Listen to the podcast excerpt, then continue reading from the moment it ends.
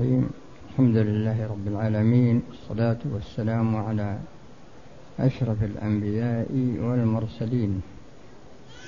محمد وعلى إخوانه من الأنبياء والمرسلين وعلى آله أصحابه والتابعين ومن تبعهم بإحسان إلى يوم الدين. أما بعد فإن الدرس الأول في قواعد ابن رجب رحمه الله. وقد وقفنا على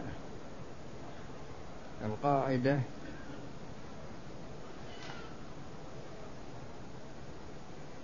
القاعدة العشرون.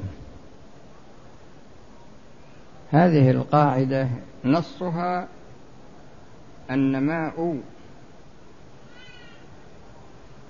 المتولد من العين. حكمه حكم الجزء والمتولد من الكسب بخلافه على الصحيح ويظهر أثر ذلك في مسائل. بيان هذه القاعدة أن الشخص يكون عنده مال وهذا المال دخل عليه بوجه شرعي يعني أنه ملكه بسبب شرعي مثل ما يملكه بالإرث أو يملكه بالهبة والعطية أو يملكه بالوصية أو يملكه بكونه موقوف عليه. أو يملكه بعقد بيع. المهم هو أنه ملكه بسبب شرعي. هذا المملوك تارة يكون عينا. تارة يكون عينا مثل الإبل والبقر والغنم. وتارة يكون نقدا. ذهب أو فضة أو مثلا مثل الأوراق النقدية الآن هذه العين أنتجت مثل ما تنتج الإبل الأولاد والبقر تنتج أيضا والغنم تنتج. وهذا النقد اشتغل به فحصل منه كسب. فحصل منه كسب. هل ما نتج عن العين وما نتج وما نتج من الكسب؟ يعني هل ما تولد من العين وما نتج من الكسب. هل يكون حكمهما سواء من ناحية تبعيتهما للعين؟ يعني يكون حكمهما حكم العين أم أنهما يختلفان؟ هذه القاعدة تبين أنهما يختلفان. فما نتج من العين يكون حكمه حكم العين. فإذا وقف إبل ولا بقر ولا غنم مثلا إذا أوقفها وأنتجت إذا أوقفها وأنتجت فإن نتاجها يكون تابعا لها يكون وقفا تابعا لها. وهكذا إذا أو أو أو أوصي بها وصية ما أوصى بها مثلا لأولاده ينتفعون بها فإن نتاجها يكون تابعا لهذه الوصية. هذا بالنظر لنتاج العين وسأذكر لكم جملة من الأمثلة التي ذكرها رحمه الله.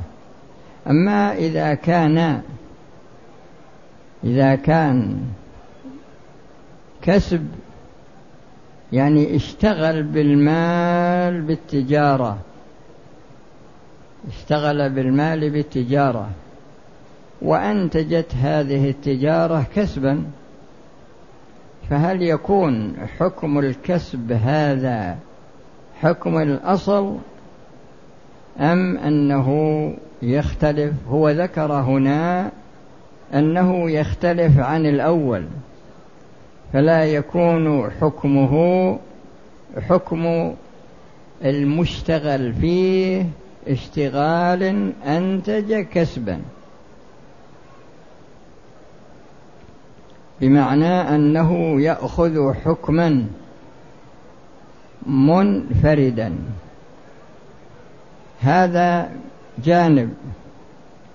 فيه جانب آخر في الموضوع لأن هذا جانب أول. فيه جانب آخر في الموضوع وهو أن الإنسان قد يدخل تحت يده ويده طبعا ما هي بشرعية قد يدخل تحت يده عين مثل ينهب إبل يغصب إبل يسرق إبل ولا بقر ولا غنم يعني دخلت عليه بغير سبب شرعي. هذا المقصود. لأن القسم الأول هو أن تدخل عليه بسبب شرعي. وهنا دخلت عليه بسبب غير شرعي. بسبب غير شرعي. سرق له مثلا مليون ريال. واشتغل فيه مدة. اشتغل فيه مدة وحصل منه كسب وحصل منه كسب وهكذا. فهل ما دخل عليه بسبب شرعي؟ هل ما دخل عليه بسبب غير شرعي؟ يكون حكمه حكم ما دخل بغير سبب شرعي. ما دخل بغير سبب شرعي. أما فيما يتعلق بالعين فلا إشكال لأنه تابع للعين والعين دخلت عليه يعني إبل سرقها وأنتجت في خلال سنتين أو ثلاث سنين نتاجها تابع لها. سرق بقر سرق, غنم مثلا أو غصبها يعني دخلت عليه بغير سبب شرعي. هذا الضابط. دخلت عليه بغير سبب شرعي. نتاجها ما لا إشكال في أنه تابع لها. فكما أن النتاج تابع للعين في العقل في السبب الشرعي فكذلك هو تابع للعين إذا كان السبب غير شرعي من باب أولى. وبناء على ذلك فإن الغاصب والسارق ومن دخل عليه دخلت عليه العين بغير سبب شرعي لا يملك شيئا من نتاجها كما أنه لا يملك عينها فهو أيضا لا يملك نتاجها. أما بالنظر إذا سرق نقود واشتغل فيها فهل يأخذ الأرباح؟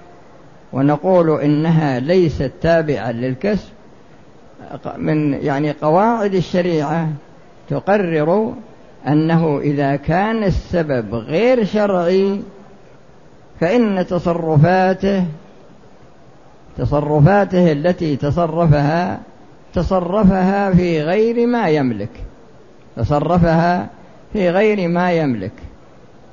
وهذا النوع من المسائل قد يؤول إلى نزاع.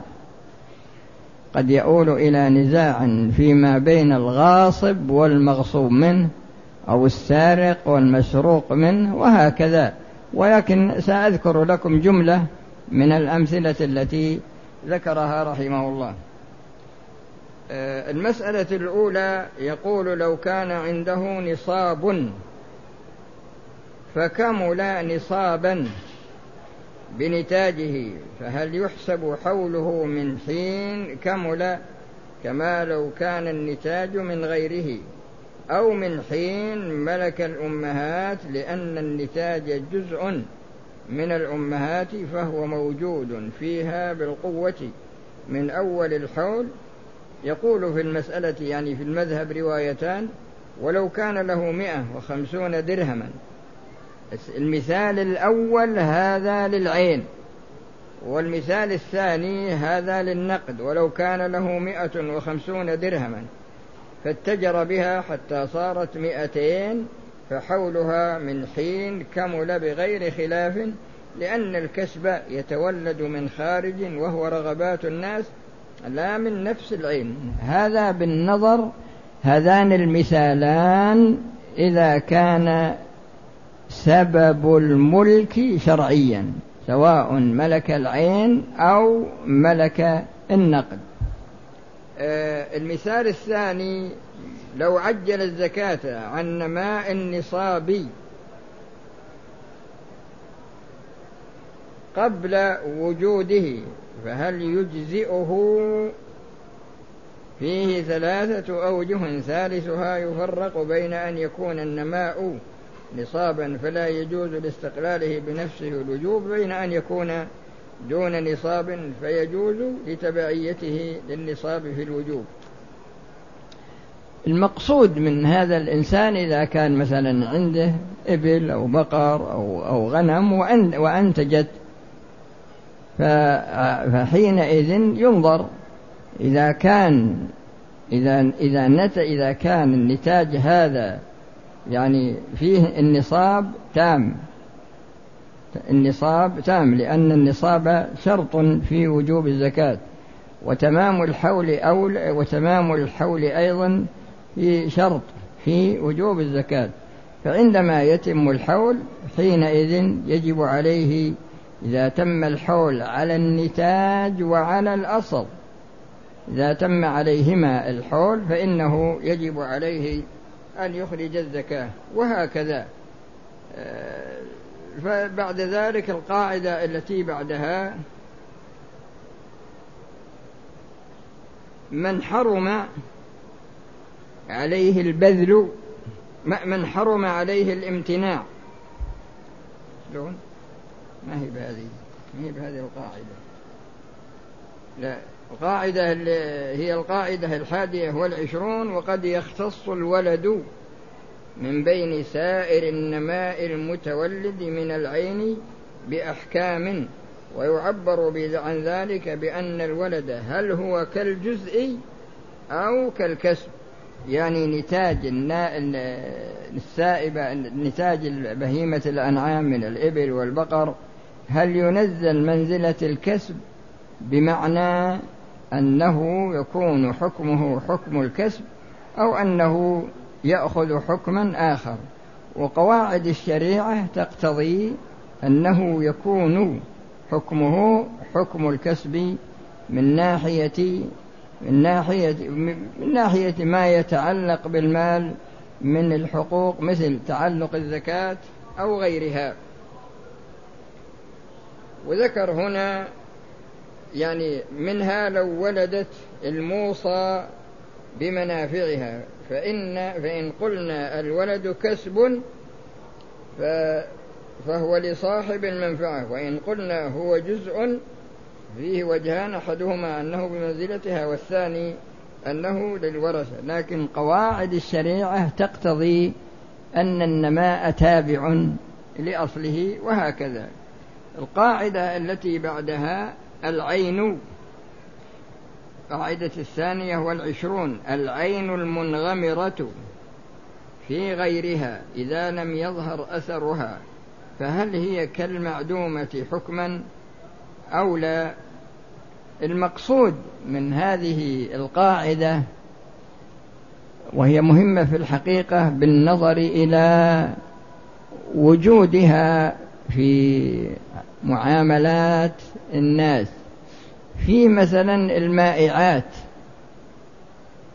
وفيه الأمور الجامدة. يعني مزجت مثلا مادة الأصل فيها أنها طهور. ما هو طاهر لا أنه طهور. مثل الماء. وأتيت بمادة طاهرة. ما هي بنجسة ولا محرمة إنما أتيت بمادة طاهرة. ومزجت المادة الطاهرة بالمادة الطهور. المادة الطهور مثل الماء تكون كثيرة جدا. والمادة التي مزجتها بها وهي الطاهر قليلة جدا. إذا نظرت إليهما بعد المزج لم تكد تميز بأن هذه المادة وهي الطهور مزج بها غيرها. يعني ما ظهر أثر المادة آه، التي مزجتها بالمادة الأصلية وهي الماء. لأن فيه من قواعد الشريعة أن الأصل في الأشياء الطهارة وأن الأصل في المنافع هو الحل وأن الأصل في المضار هو الحرمة. هذه قواعد لا بد أن يتنبه لها الشخص يعني الأصل هو الطهارة والنجاسة طارئة. لأن النجاسة من الصفات العارضة وليست من الصفات الأصلية. وهذا بخلاف الطهارة فإنها من الصفات الأصلية. وهكذا الأصل في المنافع لأن في بعض الناس يأتي بالقاعدة ويقول, ويقول الأصل في الأشياء وهذا ما هو صحيح يعني الصحيح هو أن الأصل في المنافع. فلا يصح أن تقول الأصل في الأشياء الإباحة لا. تقول الأصل في المنافع هو الإباحة والأصل في المضار هو التحريم. الأصل في المنافع الإباحة والأصل في المضار هو التحريم. والأصل في الأشياء الطهارة الأصل في الأشياء الطهارة. فإذا مزجت طهورا بطاهر ولم يتبين أثره فإنه يقال للماء الطهور على صفته بمعنى أنه يتوضأ به ويغتسل به ويستعمل مثلا يعني يستعمل لرفع الحدث الأكبر ويستعمل لحدث الأصغر ولو إنه مزج به هذا الماء هذا القليل مزجت فيه مثلا مادة طاهرة ليست مادة لأنك لو مزجت مادة طهورية ما في إشكال لكن مادة طاهرة ولكن بشرط أن تكون مباحة أيضا. ما تكون محرمة لا تكون محرمة. هذا شيء. الشيء الثاني مزجت مادة نجسة. لأن هذا صنف أول في المزج. الصنف الثاني مزجت مادة نجسة بمادة طهورية يعني وقع قليل من النجاسة في الماء. لكن هذا الماء لا بد أن يكون يبلغ قلتين للحديث. إذا بلغ الماء قلتين لم يحمل الخبث. فإذا مزج مزجت هذه المادة النجسة بالماء الذي بلغ قلتين ولم يظهر أثر هذه المادة لا في الطعم ولا في الريح ولا في اللون. فإن الماء يكون طاهرا. فإن الماء يكون يعني يكون طهورا. بمعنى أنك تتوضأ به وترفع به الحدث الأكبر وترفع به الحدث الأصغر. هذا بالنظر لما إذا كان نجسا وليعلم أن هناك قاعدة رابعة أيضا تضاف إلى القواعد الثلاث وهي أن كل نجس محرم. وهي أن كل نجس محرم وليس كل محرم نجس. كل نجس يكون محرما. فجميع الأشياء النجسة تكون محرمة. أما المحرم فقد يكون نجسا وقد يكون طاهرا. وعلى هذا الأساس فالنسبة بين بين النجس بين النجس والمحرم الخصوص والعموم المطلق. فالنجس أعم مطلقا. النجس يعني كل نجس محرم. هو جمع بين صفتين نجس ومحرم فكل نجس محرم وليس كل محرم نجس. فتكون النسبة بينهما العموم والخصوص المطلق بمعنى أن المحرم أعم. فقد يكون نجسا وقد لا يكون. وأما النجس فلا بد أن يكون محرما. فالنسبة بين النجس والمحرم العموم والخصوص المطلق فالمحرم أعم مطلقا والنجس أخص أخص مطلقا. فعندنا الآن بالنسبة للممزوج مع غيره يكون يكون طاهرا وسبق ويكون نجسا. هذا الممزوج. أما الممزوج به فيكون طهورا. يكون باق على الأصل على الطهورية في الأصل. فمزجت طاهرا بطهور ومزجت نجسا بطهور. الثالث مزجت محرما بمباح. مزجت محرما بمباح. فإذا كان هذا المحرم الذي مزجته بالمباح قليل جدا. إذا كان قليل جدا فإنه لا يكون له حكم في نفسه وإنما يأخذ حكم الممزوج به. ولهذا قال صلى الله عليه وسلم في الخمر ما أسكر كثيره فقليله حرام. فلو فرضنا أن مثلا مادة طهورية مزجت بها قليل جدا من الخمر بحيث ان ما ظهر له أثر بحيث إنه ما ظهر له أثر. هل يقال إنه محرم؟ هل يقال إنه نجس؟ لا. لا يقال إنه محرم ولا يقال إنه نجس لكن لا بد من هذا القيد وهو أنه لا يظهر له أثر لا في اللون ولا في الطعم ولا في الريح. المسائل التي ذكرها أذكر لكم بعضها. المسألة الأولى منها الماء. الذي استهلكت فيه النجاسة وهذا مضى. ومنها اللبن المشوب بالماء المتغير المنغمر فيه هل يثبت به تحريم الرضاع؟ يعني مثلا أخذت رضاع يعني من المرأة لبن وحطيت عليه قليل من الماء. حطيت عليه قليل من الماء وشرب الولد من خمس رضعات. ففي هذه الحال إذا كان الماء قليلا هل يقال إن الرضاعة محرم أو يقال إن الرضاعة ليس بمحرم لوجود الماء؟ بناء على هذه القاعدة أن الماء, أن الماء إذا كان قليل فإن الرضاع يكون محرما لأن فيه من قواعد الشريعة قاعدة وهي الحكم للغالب. الحكم للغالب والنادر لا حكم له.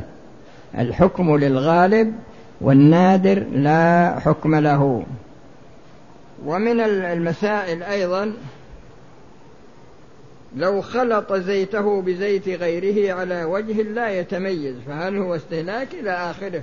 بالإمكان آه، الرجوع إلى هذه الأمثلة التي ذكرها آه، المصنف.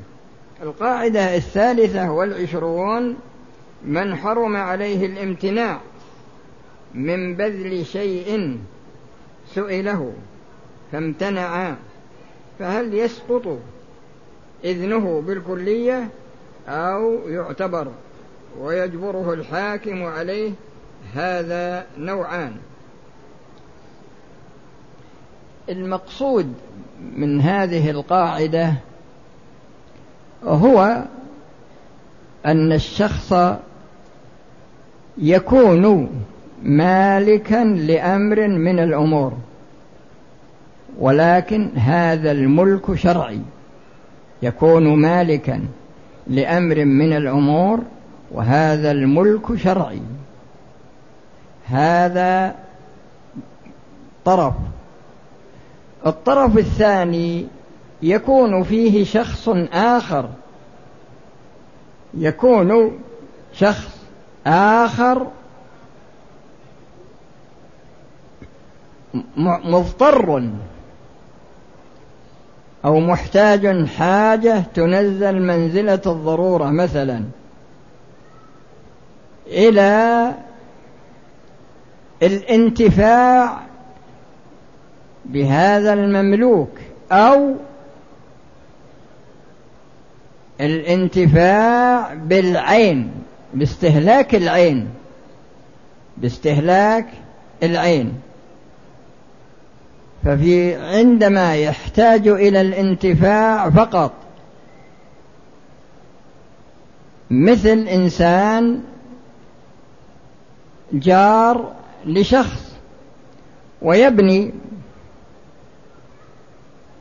واحتاج إلى أن يضع طرف الخشبة على جدار جاره. مثلا هذا يحتاج إلى إذن فقط لأنه لن يستهلك العين وإنما يريد أن ينتفع بوضع الخشبة في الجدار. وعلى كل حال هو لا يجوز له الامتناع. لأنه يقول من حرم عليه الامتناع لأنه إذا امتنع يكون آثما. إذا امتنع يكون آثما. فعلى هذا الأساس عليه أن يأذن له في وضع الخشبة مثلا وإذا امتنع يشتكيه عند القاضي.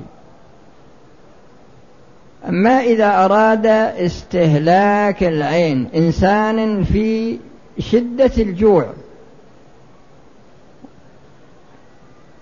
إنسان في شدة الجوع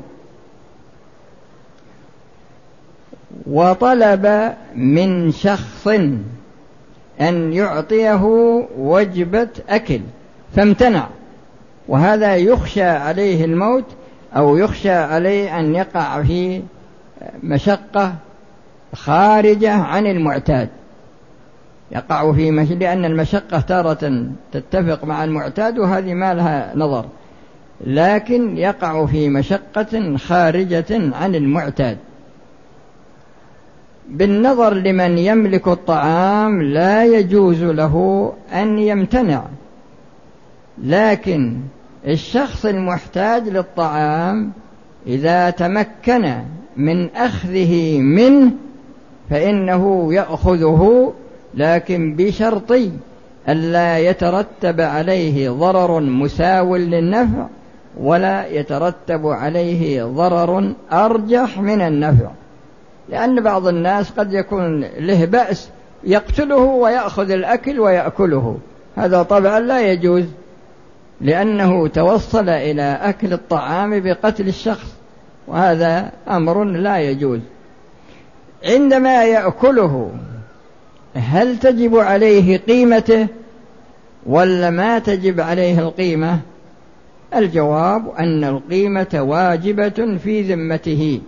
الجواب أن القيمة واجبة في ذمته لأن مال لأنه مال محترم. مال محترم. وبما أنه مال محترم وامتنع الشخص من إعطاء المضطر إليه سقطت سقط يعني سقطت إذنه.